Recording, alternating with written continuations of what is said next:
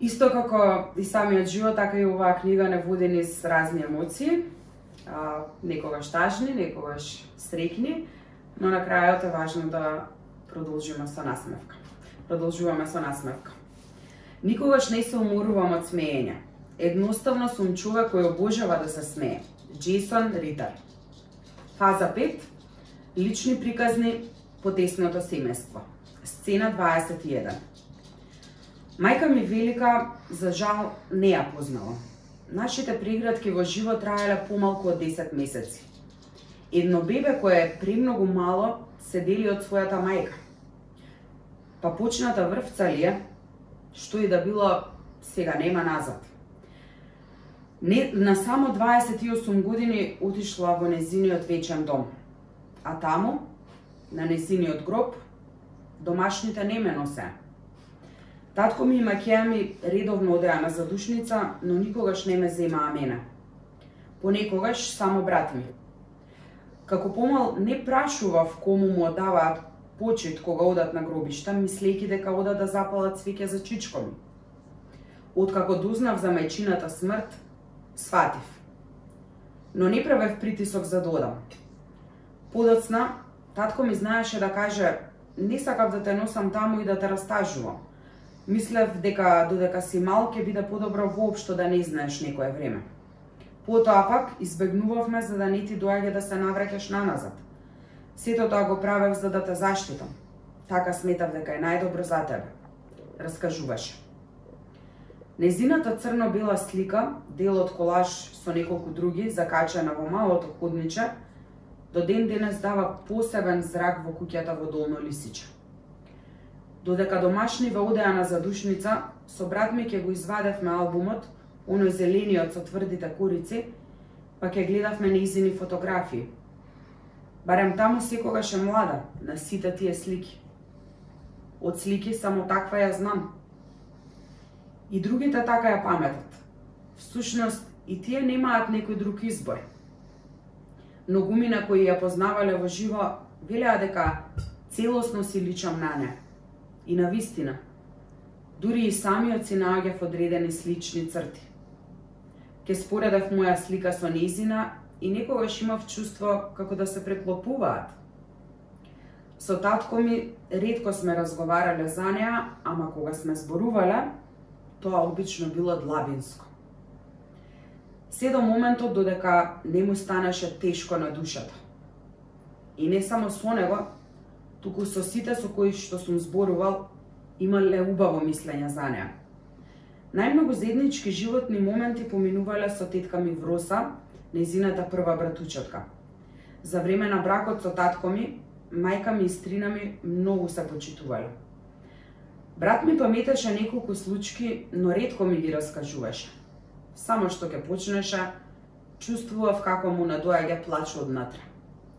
Не ни беше лесно што сме ја загубиле. Секому на свој начин му стоеше тежината. Таа грудка се појавуваше зацементирана некаде длабоко во нашите срца. Таму и стои. Сцена 22 Татко ми Јане е добар, вреден и многу често насмеан, весел човек. И покрај многуте преживеани маки во животот. Сини очи, како и повеќето од моето пошироко семејство. низот пораст со светла коса. Изразените брчки на лицето и видно нерамната кожа на дланките до денес го пресликуваат неговото минато. Да го кажував само јас овој опис, може би ќе бев пристрасен, но тоа го потврдуваат и многу други, други луѓе кои го познаваат низ годините. Дел од неговите карактеристики веќе ги споделив во предходните фази од книгава.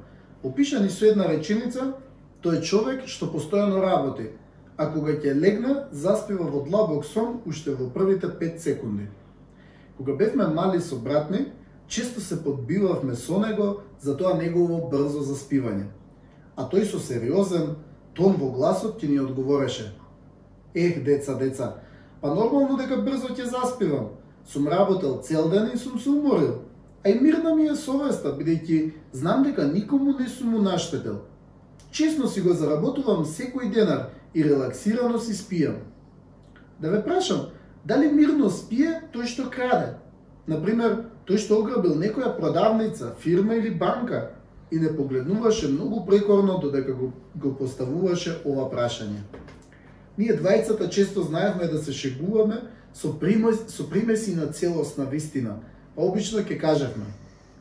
Тате, баш си не интересен, а ти си чесен по душа и поради тоа мирно спиеш кога знаеш дека никому не си му наштетил.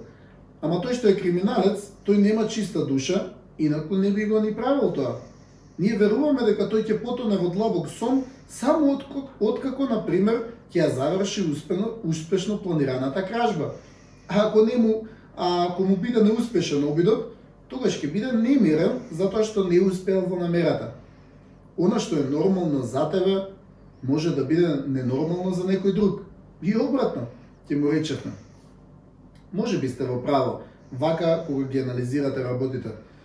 Вие сте попаметни од мене и јас се гордеам со вас двајцата. Но секогаш ќе ве учам да имате валкани раце само со чист образ, со честна работа, а не обратно. Джабе ќе ви бидат чисти рацете ако имате извалкан образ. Животот ме научил дека секоја тајна кога тогаш ќе биде јавна. Па вие оценете дали е добро таа тајна да биде непријатна, сомничава или не дај Боже криминална. Прашајте ги дали в затвор мирно спијат откако успеале во она што го замислиле. Ти го завршеше разговорот и обично продолжуваше нешто да работи. Татко ми е човек кој за време на нашето детство помалку време поминувал со нас, особено со мене, но секогаш тоа било квалитетно време. Многу поуки научив од неговите вистински приказни кои му се случувале додека бил војник во Југословенската народна армија, ЈНА. Тоа било кон крајот на 70-тите години од минатиот век. Исто толку и од случките додека бил дете, од ергенските денови, а и од деновите кога го учел за наетот, кога почнал да работи и да оформува семејство. Додека уче во основно училиште, многу му се восхитував на неговиот начин на проверка за тоа како напредувам во образованието. Некоја вечер, целосно непланирано и ненајавено, ќе ми земеше неколку од тетрадките што ги користев за различни училишни предмети и полека ги прелистуваше. Може би ќе ме подпрашаше нешто општо, доволно колку да знае што се случува. Одеше редовно на сите мои родителски средби, а и на оние на брат ми. Не пропушташе ниту една. Веројатно навикнат од предходниот систем во кој растел, ке не советуваше. Деца, ако нешто многу ви е тешко за учење, немојте да се напрегате со сила. Не можете во се да бидете први и најдобри. Бидете златна средина. Доволно е. Ќе го сослушав, но се противев. Ама внатре во себе си велев. Сакам да бидам најдобар. Не сакам златна средина. сежам на таквиот совет. При една таква поука за време на средношколските денови му реков. Тате, Ти секогаш ни велиш дека е добро да си во средина, но тоа може би било најдобро кога ти си бил на наша возраст. Друго време било тоа, други околности. Сега е сосема различно. Сега е време во кое се потикнува личен напредок и индивидуализам. Ја нема флоскулата сите сме исти, сечие и ничие. Според мене во денешницава, а и во блиска иднина, најдобро ќе поминат оние што се најдобри со знаење и вештини, или пак оние што се слаби со знаење, речи си невидливи на училиште, но кои ќе знаат да се снајдат на некој чуден начин, дали самите или пак со нечија помош. Тие што се златна средина, нема никој да ги забележи и никому нема да му остават различен впечаток, да му се залепи окото за нив, туку само ќе се вклопат во некое општо прифатено мислење за целата маса луѓе, реков. Се подзамисли, ме погледна и ми рече, може би си во право. Војкот и Кира од секогаш беше таков. Имаш слични карактер, карактерни особини со него. Знаеш подобро од, од мене, поучен си. Прави како што мислиш дека е најдобро за тебе. Само, што и да правиш, чувај си го здравието. И ќе се насмевнеше задоволно. Неговиот совет за здравието секогаш ми одзвонува во главата што и да правам. Традиционалното воспитување татко ми го практикуваше како да е нешто што е дадено еднаш за секогаш. Во сите можни времиња, при сите видови различни околности. Тоа му предизвикуваше страв од нешто ново. Мене така ме воспитале и не можам сега на овие години да се менувам. Вие сте помлади, а ако можете и мислите дека е подобро за вас, приспособувајте се. Малку нервозно ќе ни подвикнеше додека се обидувавме со брат ми да го убедиме дека може нешто да се направи на поинаков начин од тој што некогаш го учеле. Иако редко, сепак имавме успешни обиди во убедувањето. Ситуацијата што не можам да ја заборавам, се случи кога брат ми одлучи да направи посебна бања за него на вториот кат. Татко ми, како искусен водоинсталатор, му помагаше. Брат ми сакаше за прв пат на место со цинкови цевки, бањата да си ја направи со пластични. Во тие години тие се сметаа како нешто поново, помодерно. Татко ми даваше отпор на неговиот предлог. Научен беше цел живот да нарежува цинкови цевки со клупната, процес што се одвиваше бавно и тешко. По секое нарежување задолжително чувствуваш болка во рацете. Но брат ми сепак одлучи да остане на предлогот со пластични цевки. Отиде и купи мало машинче кое се користи за загревање на краевите на цевките и нивно спојување. Алат за нивно трајно лепење. Сите тројца за прв пат се учевме да работиме така. И тоа на наша бања. Како што кажувам и во епизодата 13. Прва заработка. Многу работи така ги научивме низ годините со обиди и грешки на нешто свое, за да може потоа на друг да му направиме целосно мајсторски. Интересен беше процесот на учење со пластични цевки. На големо изненадување за мене и брат ми, татко ми многу брзо го засака овој нов начин на работа. Брзо ја направивме бањата, вложивме помалку труд, а резултатот беше поефективен и изгледот поестетски. Отогаш татко ми продолжи да биде водоинсталатор, главно работејќи со пластични цевки. Беше прв меѓу мајсторите во селото кој почна да работи на новиот начин. На почетокот, при секоја нова бања му бевме подршка јас или брат ми. По некој време продолжи да мајсторува сам. Исто толку добро, како што порано тоа го правеше со цинкови цевки. Стравот од нешто ново го претвори во придобивка од нешто ново. Бевме пресреќни со брат ми, што успеавме да го убедиме. Сепак тоа не одеше потешко за други работи во животот. Требаше да помине многу време за да се приспособи, за да разбере дека, дека времињата брзо се менуваат. Јас и да видам нема да поверувам на прва, знаеше да каже. А ние првим веруваме во нешто, го визуализираме во нашата имагинација како да е реалност и потоа на вистина ќе го видиме, увелевме со брат ми.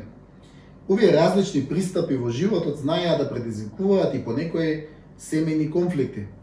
Особено кога знаевме дека мајка ми е со далеку поконзервативни размислувања и од него, плюс има ограничен мал круг на луѓе за редовна комуникација. А ако на тоа се надоврзи немањето доволно образовен капацитет за разбирање на актуелните животни предизвици, преплетено со видлива доза на пасивност, завидливост и негативни реакции, балансот на татко ми меѓу неа и она што бевме јас и брат ми, на вистина беше комплексен. Поради тоа и тој во животот имаше понекоја жолта минута, истурена на, не, на некој од нас двајцата. Но кога ќе ги споредам неговите реакции во тие ситуации, со сето она што го преживеал, веднаш сум ги сваќал неговата севкупна трпеливост и разбирањето. Како и да е, Се насе, голем дел од полуките на татко ми и ден денес ми се во главава. Секогаш на свој уникатен начин, преплетени со оние народни мудрости кои во една мала реченица содржат многу суштина. Некој од не все. Држава кога ќе реши да ти земе нешто, ќе најде начин веднаш да го стори тоа. А обратно, доколку ти треба нешто да земеш од државата, е тогаш тоа оди многу потешко. Се граничи со невозможното. Поради тоа, најнапред ги плаќам редовно сите сметки. За струја на Ивана, за вода, за фиксниот и мобилниот телефон на Тимова. Никогаш не доснам со плаќање на сметките, а дури потоа го распоредувам семениот буџет за нашите домашни потреби. На најдобриот водоинсталатор многу често дома му тече чешмата. Колку повеќе баран мајстор, толку помалку има време дома да си поправа а и волјата е помала, бидејќи за истата работа дома никој не му плаќа. Многу често мора да биде побавно, за да испадне на крајот побрзо, како приказната за желката и зајакот. Не нервирај се на задорливите коментари од секакви луѓе. Запомни дека ти можеш да бидеш како нив во секое време, но тие потешко би можеле да бидат како тебе. Ако нешто не можеш да го завршиш и почнуваш да се нервираш за тоа, батали го. Направи пауза. Кога ќе бидеш пак расположен, тогаш продолжи да го работиш. Ќе почувствуваш огромна разлика. За кратко време ќе го решиш проблемот. Треба да го сакаш оно што го работиш. Ако не го сакаш и не те исполнува, джаве се мачиш во животот. Не биди лаком за пари. Биди вреден и научи да крадеш за најати, вештини, способности во секој момент од кого и да било. Ако сакаш да научиш побрзо и подобро, учи од тие што се подобри од тебе. Така фокусирај се на долг рок. Парите ќе си дојдат сами по себе. Сложни браќа плани напоместуваат. Затоа е важно дома да бидеме сложни и проблемите да си ги решаваме тука, во семејството. Ниту соседите, ниту колегите нема да ни ги решат. Верувам во тебе. Ти си знаеш, ама јас да си кажам, ако не кажам нешто, ќе оставам печаток дека ништо не разбира. Сцена 23. Брат ми Игор е мојата најголема сродна душа во поширокото семејство, а единствена во потесното. Многу работи прв пат сум ги научил од него. Од секогаш ми давал безусловна поддршка во се. Татко ми беше поблизок со него, а тој со мене. Ме разбираше доволно за да ми даде вистински искусен совет во актуелното време, бидејќи беше 5 години постар од мене. Секое лето, во текот на летниот распуст, заедно поминувавме драгоцено квалитетно време. Сите оние нејасноти и што ми се појавуваа во мисливе уште од мал, тој ми ги објаснуваше. Од целосно разбирање на функционирањето на машкото и женското тело, до сите видови односи меѓу луѓето. Кога требаше да ми посочи нешто за научилиште, само ќе ми ја кажеше суштината. Ме мотивираше да научам да ги поврзувам логично работите, за да го откријам заклучокот самиот. Нему му одеше математиката многу повеќе и од мене. Тоа му беше мотивот да се запише во тогашната природно-математичка гимназија Раде Јовчевски Корчагин во Скопје. Но, покрај училиштето, особено му одеа две други работи. Едната беше онаа мајсторската. Се она што е поврзано со мајсторска рака не му модеше речи си од прва. А втората работа во која беше влюбен, уште при завршувањето на основното образование, беше работата на армијата. На војниците, на тоа какви видови оружја постојат, кое од нив за што се користи. Може би таа негова желба произлегуваше од многобројните филмови што ги сакаше и редовно ги гледаше. Може би и од приказните на татко ми од дамнешното негово војничко време. Но најмногу го сакаше тоа бидејќи се базираше на ред и дисциплина. Нешто во кое тој веруваше и постојано го практикуваше. Така, редовно на татко ми му беше помошник, мајстор за водоинсталаторство, на соседите за градежништво, а дома ги практикуваше и двете. На училиште беше секогаш одличен. Во текот на годината ќе имаше и по некоја четворка, но на крајот завршуваше како наполно одличен ученик. По завршувањето на средното училиште се запиша на воена академија во Скопје. Во тоа време јас се запишував во средно училиште. Иако календарски 5 години, сепак училишно бевме 4 години разлика. Навистина беше среќен кога ги почна студиите таму. Но за кратко време се променија многу работи. Во 2003 година, се уште немаше завршена прва година од студиите, ги, инфо, ги информираа дека воената академија ќе се укинува. Неговата генерација ќе биде последна и за разлика од предходните, ним не може да им гарантираат ниту вработување, ниту постојана работа. Им понудија преквалификација, скратен курс од 3 месеци за подофицери, водници, за да почнат веднаш со работа, доколку ја напуштат академијата. Се мислеше неколку дена и конечно еднаш дојде кај мене в соба, во нашата детска соба и ми кажа Миче, знам дека ти ќе ме разбереш. Штом сега уште во прва година ни кажаа дека нема иднина за мојата генерација, залудно би било да одам со глава в дзид. Од друга, од друга страна, гледа што се случува. На тате се повеќе месеци му доцнат со плата. На работниците не им исплаќаат редовно. Охис не е веќе силен гигант како порано. Почнува да оди надолу. Многу трошоци не одат за куќата уште од сега. Замисли кога би дошло време и ти да одиш на факултет. Од друга страна пак, кога ќе направам споредба меѓу мене и тебе, ти од секогаш си сакал многу повеќе да учиш од мене. До сега, академијата ми е бесплатна, но може да ја направат да се плаќа. Потоа, ако јас немам работа, нема, нема да можам ниту тебе да ти помогнам за да завршиш факултет.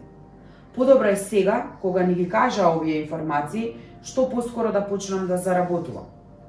Така ќе бидам исполнет, бидејќи па ќе го работам она што ми беше во план да го студирам, а со текот на времето и ќе напредувам. Воедно ќе можам и тука да помагам. Сега за доградба на куќата, а здравје во иднина за твоите студии. Знам дека ти ќе успееш во тоа. Со полугласна насмевка ми го соопшти ова, седејќи на креветот спроти мене. Те разбирам, бата. Сосема си во право. Верувам во твојата одлука. Знаеш дека секогаш ќе се поддржуваме. Ти си тука за мене, а јас за тебе. Му реков и се гушнавме. Откако во Велес го заврши курсот за подофицер, водник, отидовме на церемонијата за прогласување на чинот. Беше пресреќен кога ја фрли таа војничка академска зелена капа високо нагоре, заедно со своите колеги. Онаа негова широка насмевка низ која малку му се забележуваше потемна нијанса на предниот зап, останува за секогаш незаборавена. И не само таа. Фатот со раката, при кој ќе те стегне со сигурност, исто така ќе ти остане врежан во меморијата. Веднаш по Велес, неговата кариера продолжи со служба во македонската армија во Охрид. Поречи се една година во Охрид, потоа продолжи во Кичево, па во Крива Паланка. Во 2005 година, откако дефинитивно државата прибегнуваше кон реформа од армија во гранична полиција, брат ми повторно заврши дополнителен курс почна да работи подолгорочно како граничен полицаец, распореден во полициската станица во село Танушевци на границата со Косово. Од зборовите на колегите ќе слушнете колку уште тогаш ја сакаше својата работа. Убаво е чувството кога ќе знаете дека вашиот брат не е само добар кон вас, туку и кон пријателите и кон колегите е таков. Тоа чувство што го пренесува на другите не може да се замени со никаква цена. Сцена 24 Сигурно сте ја слушнале поговорката Животот за некој е мајка, а за друг маќеа. Јас не знам какво е со вистинска мајка, но знам каков е со маќеа. Се разбира дека секој човек не е ист, па така и од една мајка до друга и од една маќеа до друга има разлика. Не можам да зборувам за другите, ама можам од моето собствено искуство. Имав околу 10 години кога при едно собирање пченка во бавчата изустив гласно. Се однесуваш кон мене како да не си ми мајка. И веднаш штом го изустив тоа, трчајки влетав дома за да се исплачам. Краток поглед размени Макеја ми Виолета, ја вика Летка, со брат ми. Но немав желба да анализирам, туку да се оттргнам. Уште од мал увидов дека има многу незгоден карактер. Кога и, кога и да го споменавме тоа при кој да било разговор, таа ќе ни се обратеше со зборовите. Зар не сум ве испрала? Зар гладни сте отишле на училиште? Нервозно ќе викнеше и воопшто не сакаше да разговара за темата за која почнат разговорот. И тогаш пред неа и сега пред сите. Секогаш сме признавале дека ни ги перела лиштата и тоа рачно, бидејќи во тие години сите дома на секој може начин штедевме. Сигурно не било лесно за да го прави тоа при секакви временски услови. Било тешко кога бањата била студена, јадење сме имале постојано. Може би не било тоа секој ден различно, може би не се знаело што е здрава исхрана, а што не. Повеќе зимница отколку свежа храна, ама барем имало, секогаш имало што да се јаде. Но од друга страна пак речи си Ништо од тоа не било направено без наша целокупна помош. При подготовка на сите зимници, на сите до една, сме помагале и јас и брат ми. Некогаш двајцата одеднаш, но минимум, но минимум едниот од нас. Обично јас повеќе помагав во подготовката на зимицата, а тој во мајсторијата со татко ми. Собирањето на вошките беше наша обврска, сечењето и редењето на дрвата исто така. Нередко сме помагале и во миење на теглите, а со сигурност во печењето и лупењето на пиперките и во мешањето на еверот. Традиционално македонски не правевме само еден вид евар, туку околу 4-5 вида секоја есен. Таа не знаеше да прави кој знае колку разни видови на манџи, ама месеше вкусни пити, мекици, зелници. Дел од нив навистина беа незаменливи. Се насе, конфликти се јавуваа во однесувањето. Никогаш не можеше да разграничи дека ако укажуваме на несоодветно однесување кон нас, не значи дека го оспоруваме незиниот труд на другите полиња. Неразбирањето доведуваше до чести нервози, викања, караници. Некогаш тие знаеа да придонесат за понекоја модринка на газот, до исечена топка со која си играв секојдневно или пак до кодошење кај татко ми. Го нарекувам кодошење затоа што често се случуваше таа да ја прикаже само едната страна од сцената, а нашата никој да не ја слушна. Многу пат имав чувство како татко ми априори не изе да и верува на приказните, а да не ги сослушува сите страни. Со текот на времето сватив дека на тој начин правел еден вид баланс, но кај мене сето тоа секако ги трупаше фрустрациите. Имав чувство како проблемите само да се одложуваат и да се ставаат под тепих, а се избегнува нивно решавање. Чудно беше незиното однесување. Кога беше расположена за смеење, ќе се изнасмеевме, но уште додека бев дете, никогаш не дозволуваше да ја гушна. Едно мало дете имаше голема потреба да биде прегрнато. Таков бев уште од мал. Се случуваше често да биде нервозна поради некоја трета случка и тогаш викањето најчесто се пренесуваше врз нас, особено врз мене бидејќи почесто бев дома. Се изнесуваа такви небулозни аргументи, се излеваа мноштво негативни емоции кои по долго време ќе успеа да предизвикаат негативна реакција и кај мене. Кога конечно ќе се изнервирав, може би интересно беше тоа што во тој момент таа почнуваше да се подсмевнува, задорливо да се подбива со мене и потоа ќе продолжеше целосно да се смее. Знаеше да се жали дека е тешко тоа што мора да штеди, што живееме прилично скромно. Може некој друг од семејството живееше раскошно, а само таа скромно. Сето тоа го представуваше на таков едностран, себичен начин. Некогаш ја разбирав, ќе се сожалев и верував дека е во право. Знам, долго време знаеше да каже Ере, сите соседски, соседки се бој, бојоса, се средија. Само јас сум целата за никаде. Ми побели косата од вас, а не можам ниту да се бојосам.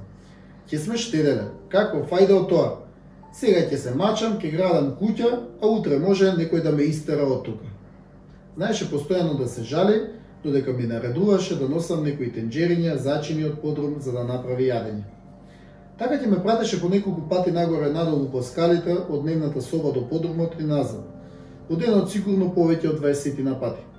Секогаш сум одел, може би некогаш не било тоа веднаш во истата секунда, сум чекал да помине уште една акција од фудбалскиот надпревар што го гледам со страст, но ја слушав и за кратко време ќе отидав. Ама многу силно се револтирав кога од подрумските простори ќе донесев некоја тенџере, а таа ќе ми речеше Не ти реков тоа црвено тенџере да ми го донесеш, туку црното. Ќе изгледа фубаво, ќе воздигнат длабоко во себе и повторно ќе појдев. Но некогаш веќе не можев да издржам. Тебе човек треба да те снима, затоа што едно ми кажуваш пред две минути, а сега сосема друго. И ќе стрчав пак во подрумот, целиот нервозен. Ги слушав незините жалења за немањето пари и сакав да помогнам само за да ги намалам тие реакции. Не сакав во таква атмосфера дома да ми поминуваат деновите. Сакав да биде похармонично, да чувствувам вистинска хармонична атмосфера. Еднаш решив решително да помогнам. Се сеќавам како да беше вчера.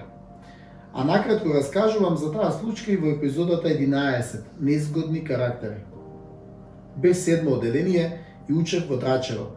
Секој ден од парите што ми ги даваа за на училиште, по 10 денари, Собирав за да и купам боја за коса за 8 март. Собирав речи си еден месец и купив боја.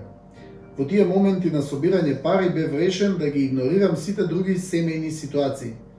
Тоа беа тоа што постојано носев веќе носени јалешта од брат ми и од посестра ми, а многу ретко нови купени за мене, го премолчував. Одамна решив да не одам на ниту една екскурзија, само за да немам прекорување од таков тип. По сите домашни работи помага во семејството. Добрата работа беше што за мене не постоја машки и женски работи престанав да барам да ме пуштаат на игралиште, зашто сватив дека и да барам нема да ме пуштаат, а плюс има викање при такво барање. Вака се обидував на различни начини да придонесам за поубав семеен живот, без викања, без фрустрации, без негативни испади. Си веле во себе. Еве, конечно има боја за коса. Сега ќе се боја и ќе се намалат и неизините нервози и прекорувања за штедењето и занемањето пари.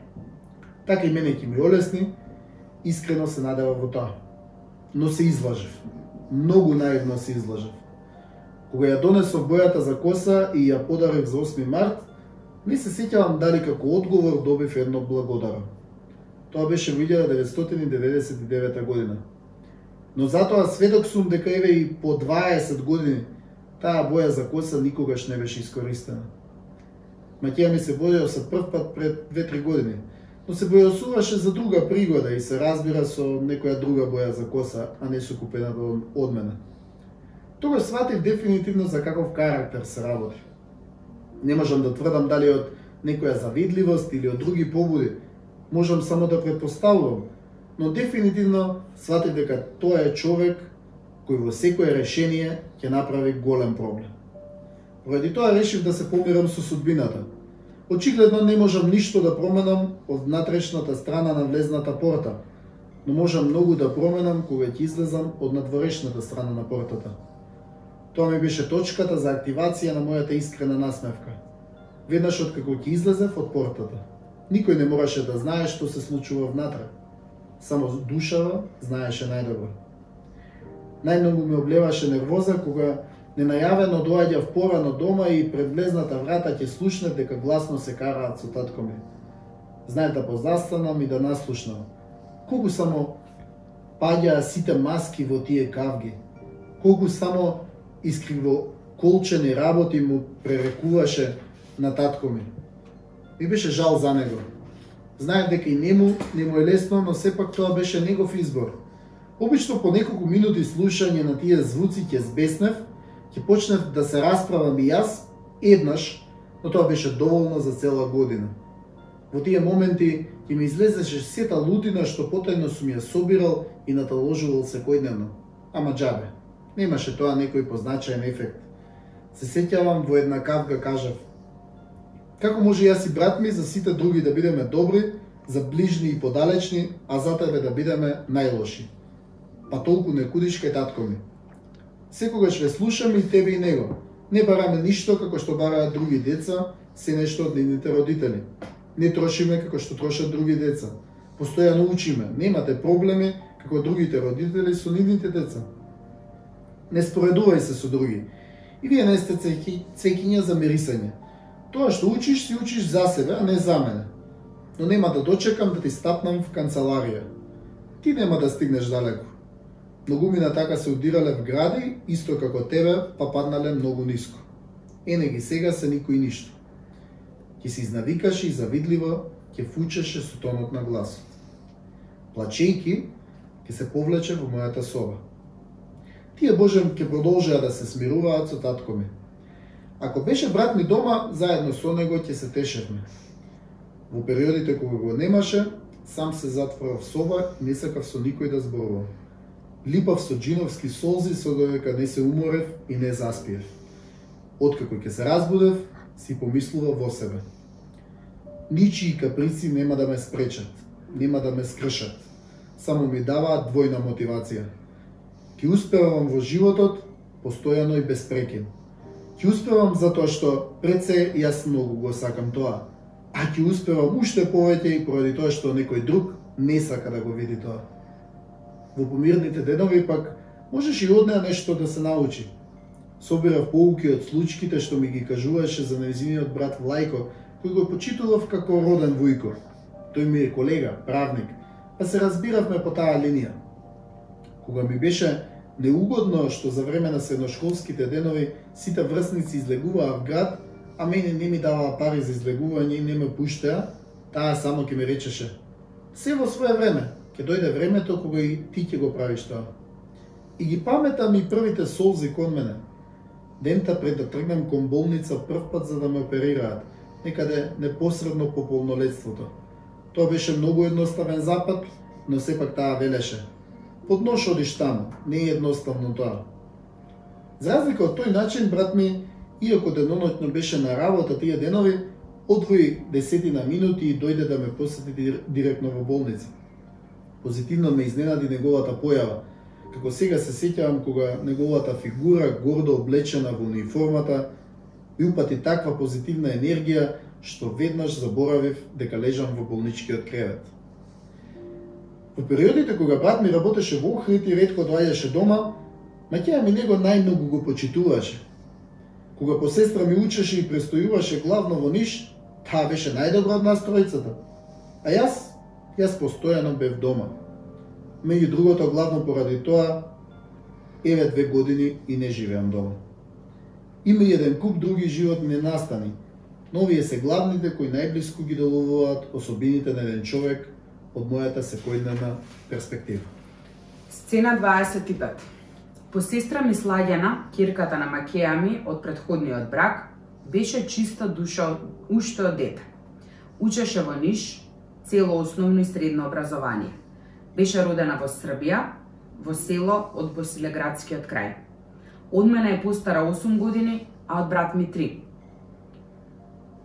Кај нас во Долно Лисича доаѓаше само за зимскиот распуст, а понекогаш и за пролетниот.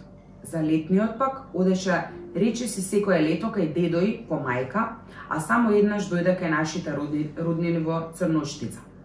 Татко ми постојано одеше на родителски средби во Ниш пред самиот распуст и потоа ќе дојдеа заедно со неа со воз или со автобус. Мене на брат ми со неа многу убаво ни течеше животот. Таа со нас пристојно се сложуваше. Се почитувавме меѓусебно. Заедно слушавме песни, работевме многу од домашните работи, се смеевме, Понекогаш ми беше непријатно тоа што таа секогаш имаше нови патики, нови джемпери, пари за джепарлак, а јас носев стари алишта носени од неа и од брат ми. Но за тоа никогаш не реагирав. Однесувањето и желбата да има мир во куќата ми беа првенствени, првенствени желби, а не каква облака ќе носам. Таа знаеше некогаш да не ја слуша мајка водеа инаед една со друга без да се сослушаат. Тоа беше инаед во погрешна насока. Тоа беше незабележително во периодите на краток престој во Македонија. Но откако Слагена заврши средно образование и дојде постојано да живее со нас, беше премногу често и очигледно. Тие кавги инспирираа избрзан брак на посестрами во Врање со човек со кој што воопшто не се познаваше. Само еднаш се имаа видано предходно. При второто гледање почнаа заедно да живеат во вомбрачна заедница. Тие брзоплети случаи наскоро ги искомплицираа состојбите и во нашето семејство. Сите нервози секојдневно се пренесуваа и кај нас. Брат ми што туку почна да живее со снаа Силвана. Тогаш на сите страни летаа зборови кои, ги, кои го кинат срцето како со нож. Завидливоста се повеќе доаѓаше до израз и стана премногу видлива со секој можен потек. Јасна како ден беше премисата. Зошто ли на некој друг да му биде успешен бракот и заедничкиот живот, а на моето дете не? Тие турбуленции во 2008 година ја однесоа Слагена да живее на село за да го чува дедој кој живееше сам. Долги години потоа Животот ја одведе на други дестинации со нов обид за брак во странство, при што полека се оддалечуваше од нашето семејство, останувајќи се поредко во контакт. Животните перипетии немаат крај, си велев. Слика од потесното семејство ни стихови. Еден ден ќе биде. Под природна присила комплицирано, како со игла шиено крпено. Мирно е во изгледот, шарено во душите. Да пробаме да го исплетеме, што ли ќе излезе. Чувствувам, нема да е лесно. Помислувам, може ли барем да е честно. Плетејки иглите се боцкаат, материјалот малку по малку го параат. А зар мора така? Или се нема друга желба? Ама нема назад. Но има избор. Изборот, бате, е наш. Те слушамо ти знаеш, барем ти вистински ме учиш баш. Еден ден ќе биде по наше. Тоа е моje и твое мото. И многу мина нема да разберат, како што не можат ни сега, но важно го гледа наше во око. Многу нешта недостасуваат, а материјалното не е ни важно. Искрени преградки ќе замени се. И ја нема ли? Останува тажно. Но ние можеме да надминеме, меѓусебна насмевка да се измамиме, со верба кон иднината да гледаме, со секој нов ден, од сега ќе ја создаваме. Тоа сме јас и ти, од секогаш браќа сложни, со тебе до каде ли не би, на сите начини можни. Само здравие да е. Можевме ли поинаку? Може би за многу работи во потисното семејство не се борев доволно за да ги остварам. Но секогаш тргнува под некоја надеж и од тој компромис. Да не барам на краток рок, за да имам на долг рок. Само премногу наивно, што е можеби нормално на таа возраст, очекував да се променат нечии карактери, нечии однесувања. Седа до адолесцентските години не го слушав доволно брат ми кога ми велеше. Не поминувај многу време со домашните. Ти си паметен, а за многу работи ќе те затапат. При многу семени расправи, мојата миролюбивост доаѓаше до израз. Таа ја облажуваше настанатата состојба, ама ми создаваше воедно и внатрешни тешкоти. Само со една мисла в глава – за подобро утре. Но тоа воздржување знаеше никогаш да пукне, дури и повеќе од потребното во тие расправи во кои се вклучував и јас. За она во што бевме сигурни јас и брат ми, ќе беше подобро да вложевме повеќе енергија за да го разубедиме и татко ми, како на пример за пластичните цевки во бањата. Имаше многу такви сцени во кои трпевме токму поради таа конзервативност и неподготвеност за прифаќање на промените. Избрзаните случаи во нашето семејство најмногу беа резултат на нехармоничниот однос на моите. Но едно е да избрзаш за да бидеш сам, а сосема друго е да избрзаш за да влеташ во некоја нова нехармоничност. Да бидеме подобри. Да ги прифатиме луѓето такви какви што се, со сите нивни карактеристики – Но компромис за похармоничен живот потребно е да прават сите страни. И, де, и децата некогаш се во право, и од нив може да се научи. Јас моите ментори не ги, пира, не ги бирам само по возраст. Уште одамна научив да си применувам едно мое правило. Го нареков правило 9939. Првата деветка означува дека од секоја од деветте животни декади до 90 години имам барем по еден ментор. Втората деветка означува дека имам ментори од девет различни занимања, од различни области, по можност со што по различни квалификации и приходи. И третата десет деветка од моето правило 999 е дека имам ментори најмалку од девет различни држави на кои можам во секој време да им се јавам за совет, за препорака или за некоја помош.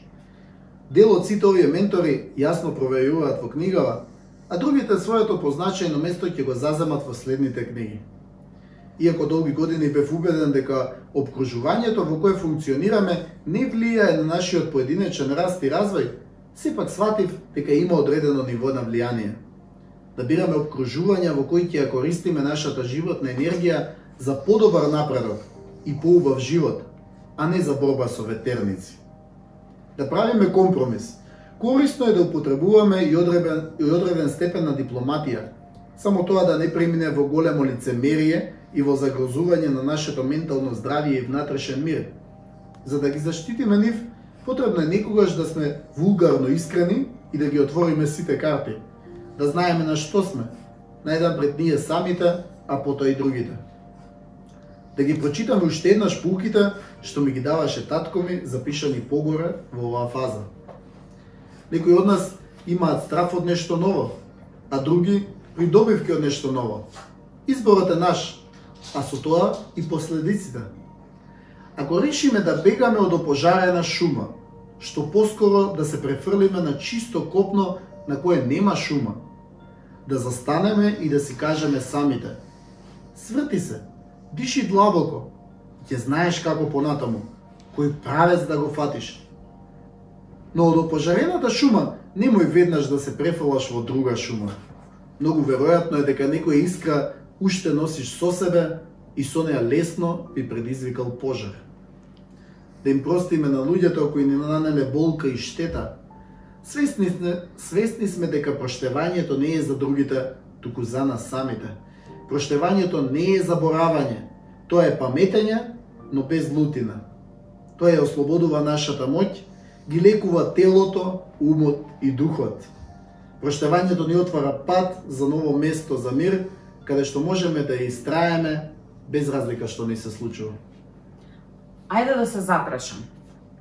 Од оваа перспектива, кои мани и кои предности ги имаше потесното семејство за време на моето растење? Кои мани и кои предности ги има денес моето ново оформено семејство?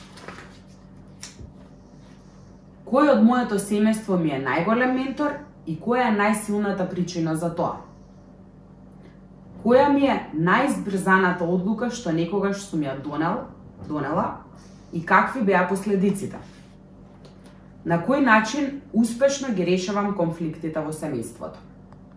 Ништо од тоа што го носиш не е поважно од твојата насмевка. Кони Стивенс. Фаза 6. Лични приказни по широкото семејство.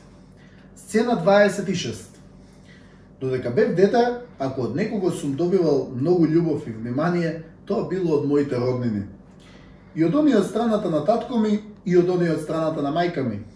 Неизмерно сум им благодарен. Веројатно, имале влијание животните ситуации во моето потесно семејство, па тие спонтано се поврзувале посилно со мене и со брат ми.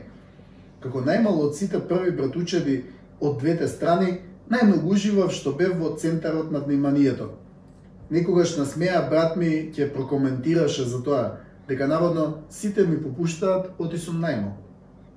Со патникот, со најблиските роднини по татко ми имам најдолготрајна врска, а и најсилна од самото детство. Дел од случките со стрина ми Живка, со батковците да-, Дашо и Славе, со баба ми Витка и дедо Драган, ги знаеш. Со текот на времето дедо ми почина, потоа и баба ми, ама таа куќа се прошири се оженија двајцата братучеди и си оформија свој семејства. Од сите нив, стрина ми беше и остана најсрце жена. Силна самохрана мајка која стануваше прва, најрано од сите во селото. И работеше буквално секоја работа. Едноставно не запираше. Не сакаше многу и мене брат ми. Добра душа што не сака да сгреши никому. Баба ми знаеше често да ја заморува со разни прашања, наредби, А таа наоѓаше сила и за сите нив. Баткоците беа вредни, самостојни уште од тинејџерските години. Кога Чичко ми го отепал бик, тие имале едниот бате 15, а другиот 18 години. Бате Дашо повеќе сака да работи околу домашните животни. Едно време се занимаваше и со нивна трговија, паралелно со работата во продавницата. Батеславе пак повеќе беше мајсторски ориентиран и кон работа со земјоделските машини, а имаше мерак и по автомобили. Тој многу сакаше да ме скокотка. Јас мало дете, а тој ме скокоткаше без прекин по неколку минути. Му беше интересно да му врескам. Но двајцата, кога да требало, биле тука во секое време. Нив цел живот ги доживувам и ги почитувам како браќа. И со другите роднини по татко ми се почитувавме многу, ама не бевме толку блиски на дневна основа како со тие на село. Татко ми има тројца браќа и една сестра. Имам многу број братучеди од сите нив заедно. Интересно е тоа што кога ќе споредиш возраста на сите нив меѓусебно, секогаш провејува разлика од 13 години. плюс минус некој месец. Чичко ми Стоичко бил постар од татко ми 13 години, а толку е бате Дашо помало од тате. Брат ми е помало од бате Славе, исто 13 години. Па јас сум речи си толку постар од Јована, Јока, керката на бате Дашо и деда Марина. Таква релација имаме и со другите роднини од страната на татко ми. Само многу е се, многу се запишување поединечно. Токму овој број 13 што проверила во моите блиски роднински релации, ми беше еден од мотивите да ја започна мојата автобиографија и мотивација продолжи со насмевка, токму во петок 13 на 13 април 2018 година. Иако може би е неблагодарно сите да ги ставам во еден куп, сепак, ако сакам сите роднини и татко ми да ги опишам со една реченица, тоа би било вака. Честна и вредна фамилија, која се надоградува во занаетот, има, има историјата, но за сметка на образованието. Сцена 27. И роднините по мајка ми секогаш имаа многу убав однос кон мене и брат ми. Споредбено, првите братучеди се помалку на број, но сепак се исто толку вредни како и најблиските роднини по татко ми. Иако подалеку едни од други, па се гледавме поредко, сепак поспојано се почитувавме. Дада ми Весна и двајцата батковци по тетка ми, Бојан и Васко, а од вујко ми Кира, братучет ми Марти. Со Дада ми Весна имавме најдолга комуникација и меѓусебно помагање. Секогаш ми беше задоволство да отидам на гости кај неа и да го поминам половина ден во прекрасни разговори на разни теми. Сега го продолжувам тоа во поголем интензитет со незиното ново оформено семејство. Од секогаш беше доволна незината насмевка која постојано зрачеше. Може би од мал ми фалеше повеќе дружење со Мартин. Ние сме врсници, само два месеца разлика. Кога наполнивме по 20 години, почнавме многу поинтензивно и посуштински да се гледаме и да се дружиме. Тогаш свативме дека Скопје и Ниш не се толку многу оддалечени места за посетување. А може би сме знаели од предходно, ама сме немале доволно самостојно заработени пари за да може да ги трошиме исклучиво на наш начин.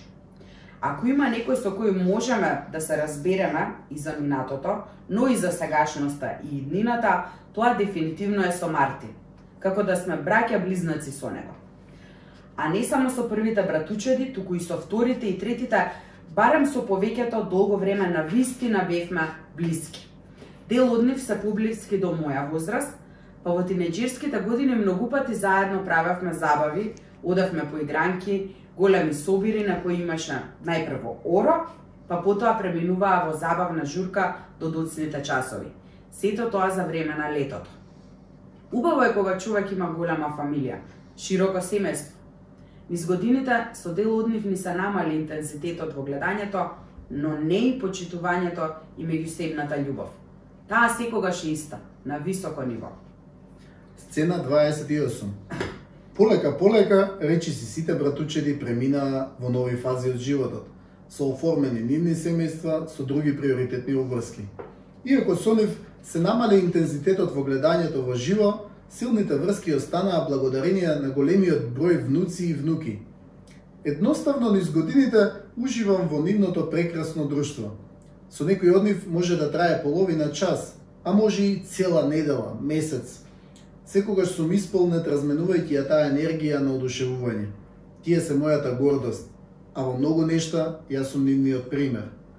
И сакам кога со нив сум постојано во контакт, макар и да е тоа само преку социјалните мрежи.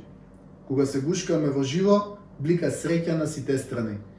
Можат ли тие искрени силни преградки да се опишат? Можат ли тие гласни насмевки да се запрат? Не, не. Не запирајте ги.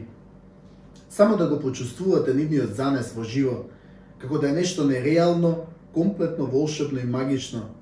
И нема да ги набројувам едно по едно сите внучиња. Многу се. Околу 30 се само од првите братучери. Ако ги бројам и од вторите, нема да можам да ги избројам до утре вечер. Ми се чини. Само една незаборавна случка ќе раскажам Уште кога завршив до дипломски студии на 21 година, повозрастните мои роднини полека полека почнаа да ме врбуваат и да ме убедуваат да се женам. Нашега тогаш знаев да им реплицирам и тоа особено на Чичко ми стоја. Не брзам за женење. Првин да станам дедо, па потоа ќе барам баба. Еве, види ги внуките колку се големи. Мика и Гага се цели девојки. Првин тие да се омажат, да имаат деца, ним сум им чичко, значи на нивните, на нивните деца ќе бидам дедо. И потоа ќе може да барам некоја млада баба. Ќе се изнасмеевме сите гласно. Верували ли не, на вистина така се случи. Во последниве две години се омажија моите внуки од прв братучет, Милена Мика и Драгана Гага. Едната се омажи на 22, а другата на одвај 20 години. Во овие две години им се родија дечиња, на едната ќеркичка, а на другата синче. Така и официјално станав дедо. И веднаш почнаа шегите на моја сметка. Сега им велам, еве ќе ве, ќе ве послушам, само да напишам уште книга, две-три, и се насмевнувам под мустаќ. Ете да си знаеш со патнику, со патнику, зошто е подолга оваа книга. Малку шега на моја сметка и не е лошо за заедничка насмевка. Роднинска љубовни стихови. Дар сте ми, а и дарувате. Многу сте, а и блескате. Ко златни лиснја на широкоградо дрво, сјајни звезди на јасно небо. Како вредни прсти на чесна дланка, разнобоен колаш во дрвена рамка. Како густи влакна в бујна коса, насмејани капки влива да росна. Мои сте, а и се борите. Стари болки и надежи нови, снага, челик ли е ил карпа, срце храбро ли е ил врело, судбо наша, кој ми те крои, разведри душа, подари дарба, продолжуваме ние со кренато чело. Мили сте ми, а и љубите. Некогаш бев најмалото, о роднини мои, и денес вам милото. Родот се множи, ами како? Внучиња мои растете, ако? Вие сте сега иднината наша и барем делче од школката моја. Ме, разнежну, ме разнежнува преградката ваша, куп разни насмевки во една боја. Дар сте ми, а и дарувате. Дарувајте. Можевме ли поинако? Ех, само да имав повеќе време, време за да се гушкам и да разговарам со сите мои роднини повеќе време. Ќе ми беше од огромна помош на секое поле да барав повеќе време да поминувам во ништо Вујко Микире, Војна Минада и Мартин. Уште од тогаш ќе сум добивал најпрактични животни совети од генерациите родени во три различни декади. Имам и роднини кои досега не сум ги запознал во живо. Убаво да се познаваме меѓусебно, а особено и новите поколенија да се знаат. Во историјата познати се случаи на инцести, меѓу другото и поради таа причина. Да бидеме подобри. Ако како дете друг ни ги одредува голем дел од приоритетите, како возрастни самите да го правиме тоа. Со зголемување на обврските се намалува времето за гледање во живо. Но, во овој свет на напредни комуникации, жално е поврзаноста со роднините и со пријателите да ни остане скудна. Крвта не е вода, велат. Тоа е така само ако меѓусебно се почитуваме и си помагаме. Не може со сите да поминуваме исто време. Како човекови битија си ги бираме оние кои најмногу ни одговараат од редот на роднините. Па секое лутање на таа тема и мерењето на времето во поминати секунди кај еден или кај друг е небулозно. Секојдневно физичко присуство не мора да значи изближување по секоја цена. И обратно. Сепак, со оние роднини и пријатели со кои сме се сближиле посилно, убаво е да одржуваме што понепосреден контакт.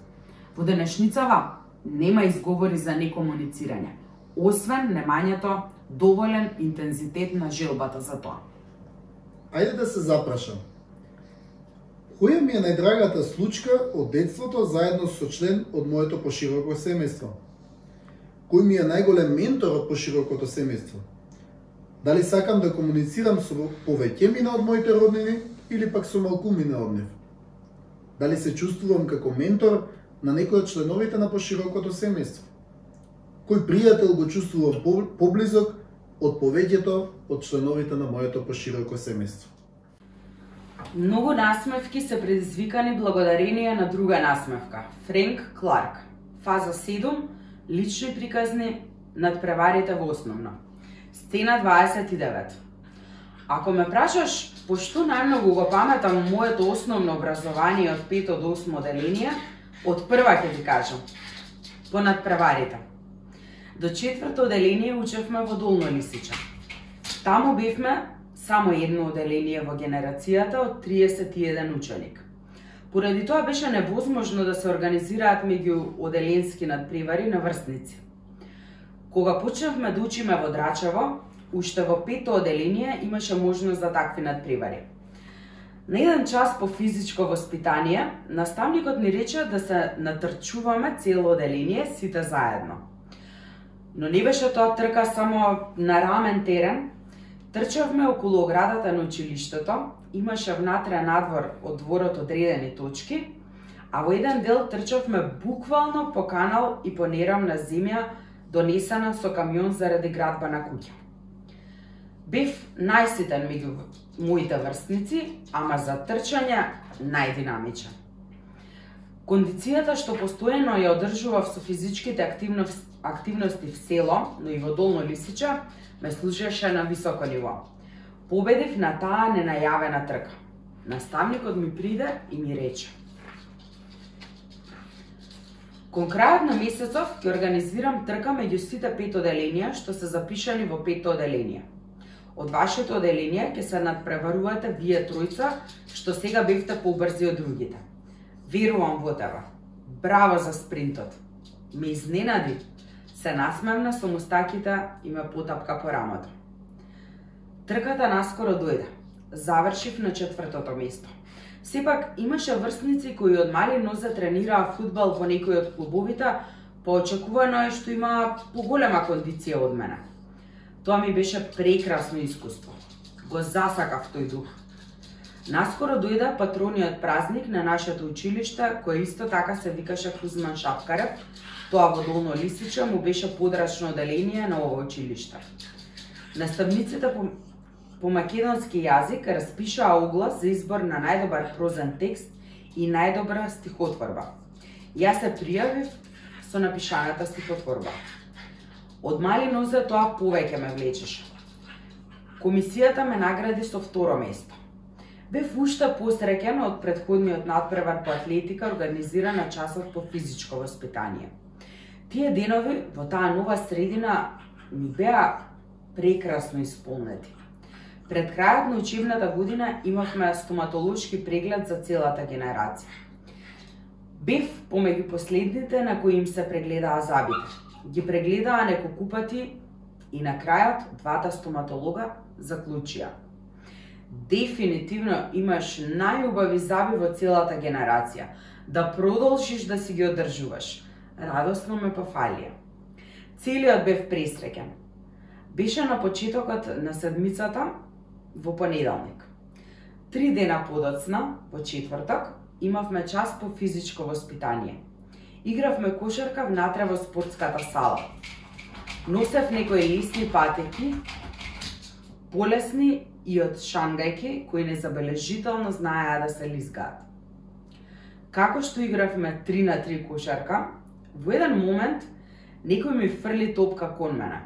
Малку ја допрев и таа тргна кон аутот. Истовремено со соученикот Иван тргнавме кон неа. Сакавме да ја фатиме за да може да продолжи акцијата и некој од неговиот тим да даде кош. Трчајќи кон аутот, Само малку со рамото, Иван ме подтурна. Во истиот момент ми летнаа патиките. Ја загубив почвата под носата за само неколку делови од секундата. Целото тело ми лепна хоризонтално кон скалата за суди која се користеше по надпреварите по одбојка. Толку брзо сето тоа се случи, што ми се чини дека веднаш само слушна бам одзвони некој удар. Во првиот момент не знаев дали јас се удрив или некој друг. Ги отворив очите кои од лизгањето ми се затвориле и усетив мала болка во устата. Јазикот го насочив на забите и се сепнав. како една огромна јама да ми се отвори меѓу предните заби. Од допирот со јазикот ми изгледаше како да се скршени сите заби што се напред на вилицата. Почнав да плачам. Еден другар од соучениците ме погледна и ми рече Не е многу, не се плаши. Го гледаш мојов преден зап? Слично се скршени и твоите, само делче се скршило од двата предни заба. Не од еден, како што е кај мене? Плачејќи отидов кај наставникот по физичко воспитание, кој ме упати кај стоматолозите.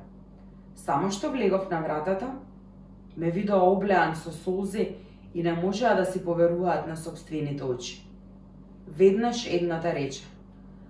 Ах бре, Мики, па нели пред некој ден кажавме дека имаш најубави зави. Како бидна се тоа? Рекоа дека немаат соодветен материјал. Малку ставија била пломба и советуваа дека или сега, или наскоро, пожелно е да се прави коронка. Но таа се прави приватно и се плаќа. Не се сеќавам на сумата, ама цената што ја кажа во тој период мене ми изгледаше како цело богатство што го имале османлиските султани.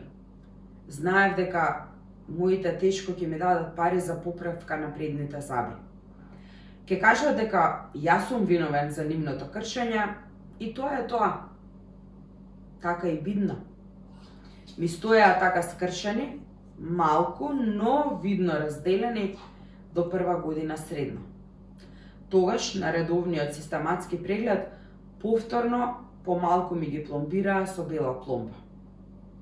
Како и да е, мене ме стигна оној подсмев кога неколку години предходно му се смеев на брат ми поради искршениот зап. Како што вели поговорката, се се враќа, се се плаќа. Сцена 30 На крајот од петто одделение, наставничката по македонски јазик, која ни беше класен раководител на нашето одделение, ни ги прочита лектирите за шесто одделение. Седум лектири беа на број. Ни рече дека треба да ги прочитаме за време на летото, за да не ни поминат туку така залудно деновите. Но ти со патнику веќе знаеш како поминуваа моите летни дни и дека воопшто не беа ниту празни, ниту здодени. Напротив, беа многу активни и исполнете. Јас не седнував на газот, а не па да можам и да сакам да прочитам седум лектири. И тоа лето мене ми беше исто како и предходните. Дојде 1 септември, време е да го дознаеме распоредот на часовите и да почнеме во новата учебна година. Уште на првиот класен час, класната раководителка рече сите да станат еден по еден и да кажат по колку лектири прочитале јас да седев до Диме. Во тој дел од нашето образование седевме секогаш заедно. Шепкајќи го прашав, колку лектири успеа да прочиташ? Шест. Седмата ми е почната, ама не ја завршив, ми рече. А ти? Ниту една. Бев село до завчера. Што да правам? Плюс, не ни се за денес да ги обработуваме? Ме погледна чудно Диме и ништо не кажа. Веројатно не очекуваше дека не сум прочитал ниту една лектира. Дојдовме на ред и ние. Стана прво Диме и кажа дека прочитал 6, а седмата му е во тек. Потоа станав јас и реков дека немам прочитано ниту една лектира. Во истиот миг, сите до еден, со ученик се свртија кон мене. Не може да си поверуваат на собствените уши. Скандал! Таа нивна реакција ме подсети на една поговорка која прилика одеше вака. Вредниот еднаш ќе сгреши и цел живот ќе му ја памета таа грешка. Мрзливиот еднаш ќе сработи нешто како што треба и сите ќе го возвишуваат како Божан да се качил во Вселената. Зошто не прочита ниту една? Подналутено праша класната раководителка. Бев село до завчера. Работевме секој ден од зори до мрак. Не можам таму да читам. Таму работа многу мануелна и тешка физичка работа, а психички се одморам, реков. Сега да ти ставам единица? Прекорно ме погледна. Ако ни требаат лектирите за денеска и треба денеска да ги обработуваме, ставете ми единица. Но ако ги имам прочитано и раскажано дента кога на вистина ќе ги обработуваме, тогаш сега не треба да ми ставате единица. Сепак таа реши да ми стави кец, како што популарно го нарекувавме, но во тефтер, како и на сите други ученици што не имаа прочитано од лектирите. Оваа сцена е инспирација за 20-тата епизода Одмор. Таа случка само ме мотивира да бидам уште подобар во текот на целата година. Сите лектири до една ги имав прочитано и прераскажано и тоа токму на дента кога ни ја закажува обработката на таа лектира. На часот бев најактивен. Наставничката организираше тест во текот на годината и најдобрите тројца се квалификувавме за учество на училишниот надпревар. Од нашето деление бевме јас, Дими и Александра. Се државме добро цело време, но на крајот, сепак, поради трема, а не поради незнаење, Александра несигурно и погрешно одговори на едно прашање. Така го, го освоивме второто место на тој надпревар. На крајот од учебната година, класната раководителка Ѓурѓица им подаруваше книги на најдобрите ученици од сите пет оделенија. Од моето оделение ми подари мене една книга со наслов Белиот ден од Джек Лондон. Многу се израдував. Во тие години од мојот живот Джек Лондон ми беше умилен писател и сакав да читам повеќе од него. Ја прочитав оваа книга и толку многу ми се допадна што некако свесно тогаш, а несвесно потоа си реков. Е, вака би сакал да се одвива мојот живот. Искрено да ти кажам, од ова проживеаново до сега, можам да изјавам дека таа желба постепено се исполнува и одамна е претворена, претворена во процес за остварување на, на целта. Сцена 31. Така, разните надпривари полека почнаа да стануваат неразделен дел од мојот живот. Но некој што на вистина ми всади убав надпреварувачки дух и ми посвети повеќе внимание за да вежбам, беше наставничката по математика Виолета. Прекрасна, добродушна жена. Ги вида мојот потенцијал и желбата, постануваше со мене да вежба и по неколку часови – Имавме дополнителна настава ве подготвуваше за регионален надпревар на ниво на град Скопје, организиран од Сојузот на математичари на Македонија. Во пето оделение не оставив некој не остварив некој посебен резултат. Ми беше прв надпревар од таков ранг. Следната година бев подобар, со оглед на тоа колку беа потешки задачите, па немаше многу врсници со повеќе поени од мене. Сепак, Најголемиот успех го постигнав во седмо оделение. Како и секоја година, така и оваа ни беа зададени 4 задачи. Секоја задача носеше по 25 поени, вкупно 100 поени. Кога почнав да решавам, полека, но сигурно ги решив првата и третата задача. Втората само еднаш ја прочитав и си реков, Е, оваа е најлесна, не ни губам време за неа, Четвртата задача беше најкомплицирана. Ми беше голем предизвик. Се бараше докажување теореми за површина на триаголници, но беа поставени повеќе фигури. Бараше време за да се размисли да се реши. Решив да ја расчленам во најситни детали. Така, постапно ја решавав, чекор по чекор, така што на крајот голем дел од листовите хартија ги испишав за решавање на таа задача. Кога завршив, меѓу последните, излегов и веднаш си заминав дома. По неколку часа ми се јави наставничката и ми кажа дека сум освоил 75 поени. Може би изненадувачки, но втората задача, што ја сметав за најлесна, сум ја решил погрешно. Онаа тешката пак, четвртата, сум бил единствениот од сите врсници што сум ја решил точно. Со тие поени бе второ место на ниво на град Скопје во мојата генерација. Тоа ми донесе посетување на математичка школа неколку саботи поред. Најчесто решававме логички задачи за да може полесно да се подготвиме за државниот надпревар. На државниот надпревар отидов, но освоив само 32 поена. Најдобриот од моите врсници имаше освоено околу 70. Потешки беа задачите, но очигледно бараа поголема концентрација и знаење. Моето знаење или пак концентрацијата во тој момент не беше доволно. Учествував на надпреварот и во осмо делинија, но бев поз... но бев позначаен. Без- без без позначаен успех. Се извинувам. Стара нова, е, додека го читам ова. Оправдано. да. Сепак, успехот и не можев баш така да го измерам. Ми се чини дека го измерив пред две години кога бев на свадба во Прилеп кај Марина, колешката од факултет. Се случи интересен настан по завршувањето на едно од ората. Една господја му вели на синот до неа. Тоа е, мора да е тој.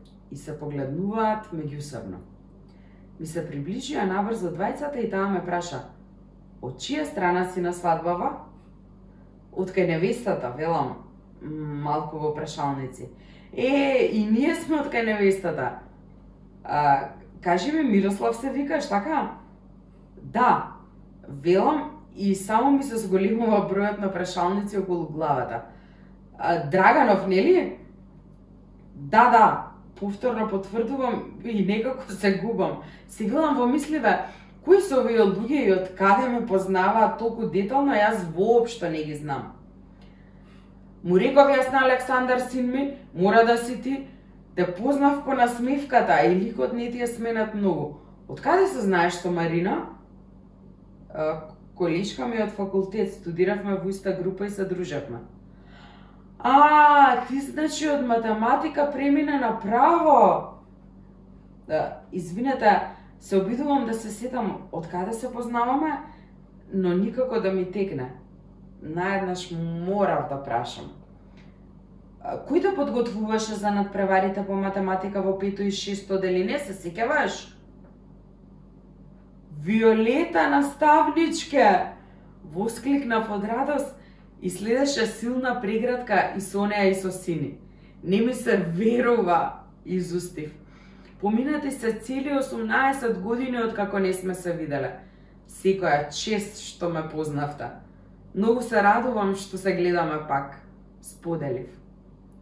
Откако заврши свадбата, враќајќи се назад за Скопје, целиот насмејан во себе си велев и да сум освоил прво место на држава надпревар во тие училишни денови, немаше да ја почувствувам оваа среќа, благодарност, восхит по цели 18 години. Тоа се моментите кои имаат бескрајна цена. Сцена 32. Во осмо одделение, учеството на преварот по географија ми остави посебен впечаток. На тој надпревар со подготовка од една седмица освоив 92 поени. Доволно за четврто место.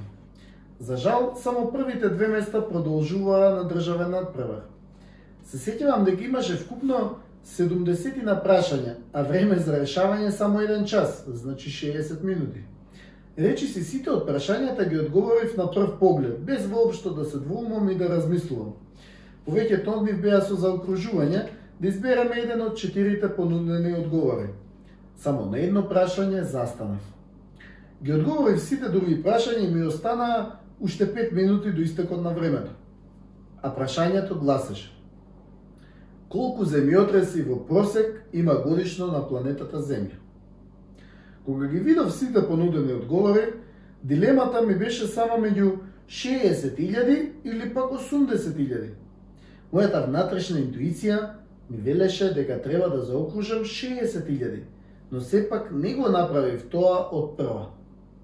Додека размислував, ми текна дека со сигурност во книгата имаше напишано дека има 9 земјотреси на еден час. Имав калкулатор пред мене, веднаш направив брза математика и резултатот беше околу 79.000. Во тој момент реков, истече време, во, во тој момент рекоа, истече времето, предавајте ги тестовите. Во истиот момент, сепак решив да ја слушам интуицијата и покрај направената пресметка. Заокружив околу 60.000 земјотреси во просек годишно. Се покажа дека сгрешив, но тоа на краток рок, а на долг рок научив. Научив да ја слушам интуицијата, но кога има факти, тогаш да им верувам повеќе не. Сцена 33. Од мали ноза верував и практикував природна праведност. Иако од мал имав афинитети да учам нешто што подразбира право, правда, сепак конечната одлука ја донесов, донесов во седмо оделение. Имаше животна ситуација што брзински и интензивно ја потикна таа моја желба. Со првиот сосед Борис, татко ми е во сватовска роднинска врска. Додека бевме мали, тие живеа како да се во една куќа многу се помага и се поддржува. Во периодот кога ги зеле плацовите, Долно Лисича било уште понеурбанизирано село. Немало ниту асфалтиран пат кон градот, ниту па какви да било споредни патчиња.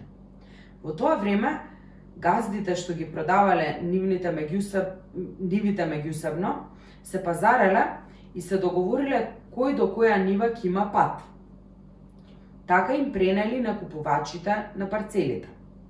Заедно, продавачите и купувачите ги обележале мегите. Тоа биле големи камења поставени во земјата, кои по потреба малку надзирале над површината. Соседот Борис имаше некој конфликт со староседелецот со чија нива граничеше тој од другата северна страна на неговото дворно место. Со нашиот двор граничеше од јужната страна. За да го реши спорот со староседелецот од северната страна, решил да викне геодети за да ја утврдат меѓата. Пред да ги викне, му кажа на татко ми. Јане, ние како што сме си биле досега, така ќе се бидеме и понатаму. Си ги знаеме меѓите. Сакам само со овој да немам повеќе конфликти и да ја решам состојбата еднаш за секогаш. Татко ми се согласи. Имаше огромна доверба во него. По неколку дена дојдоа геодетите. Ја мереа според, спорната страна и утврдија дека староседелецот треба да се помести со меѓата кон нашиот сосед Борис. Откако тој го виде тоа, им нареди на геодетите да ја измерат и другата страна од неговиот плац, таа што граничи со нашата парцела. По нивното мерење, испадна дека меѓата речи си е прилепена до нашата куќа. Соседот Борис влеза во нашиот дотогашен двор за метро и пол. Нам патот ни поминуваше од таа страна. Татко ми почна да го прашува како ќе биде во иднина. Почнаа да се расправаат. Во еден момент тате му кажа Па нели самиот ми рече што и да измерат геодетите, меѓу нас останува исто. Ама сега гледам дека ти тоа си го кажал во случај да испаднеше јас да треба со дворот да се поместам кон твојот двор. Знаеше ти дека нема тоа да го направам. Ама вака кога е обратно, ти го погази собствениот збор. За мене веќе не си ниту човек од збор, ниту пак близок роднина и пријател. Му рече татко ми видно лут и разочаран.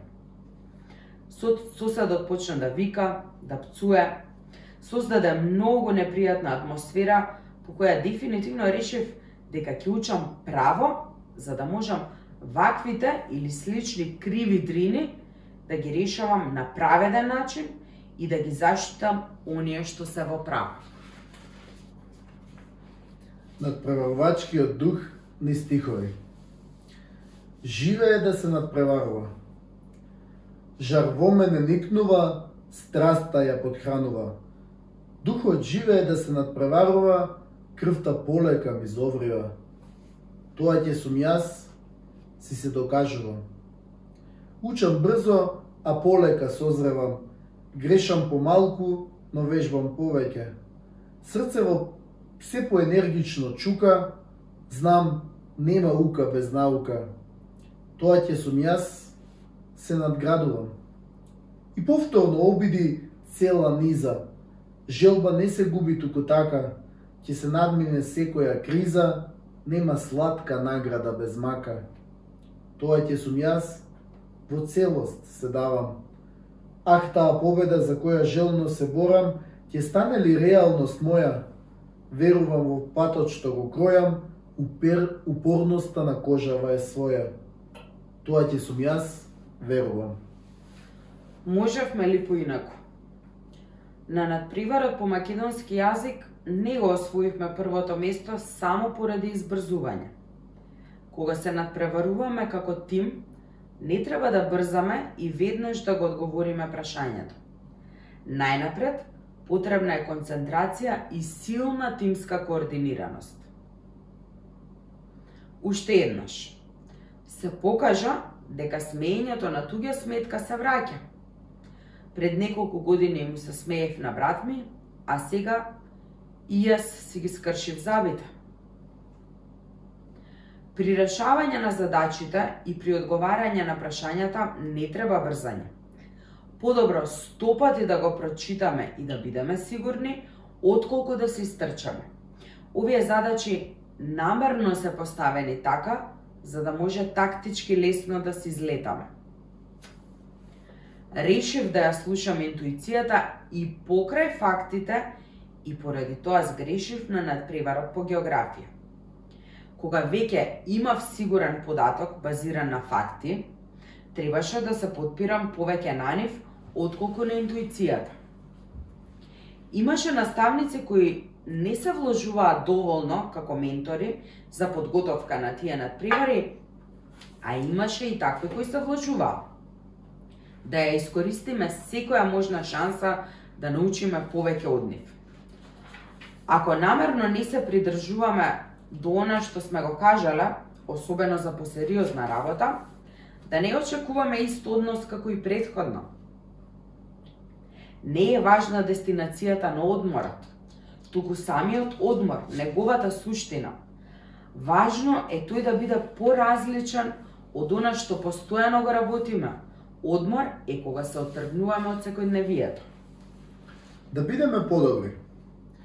При тимска работа потребна е добра концентрација, силна координираност и високо ниво на меѓусебна комуникација.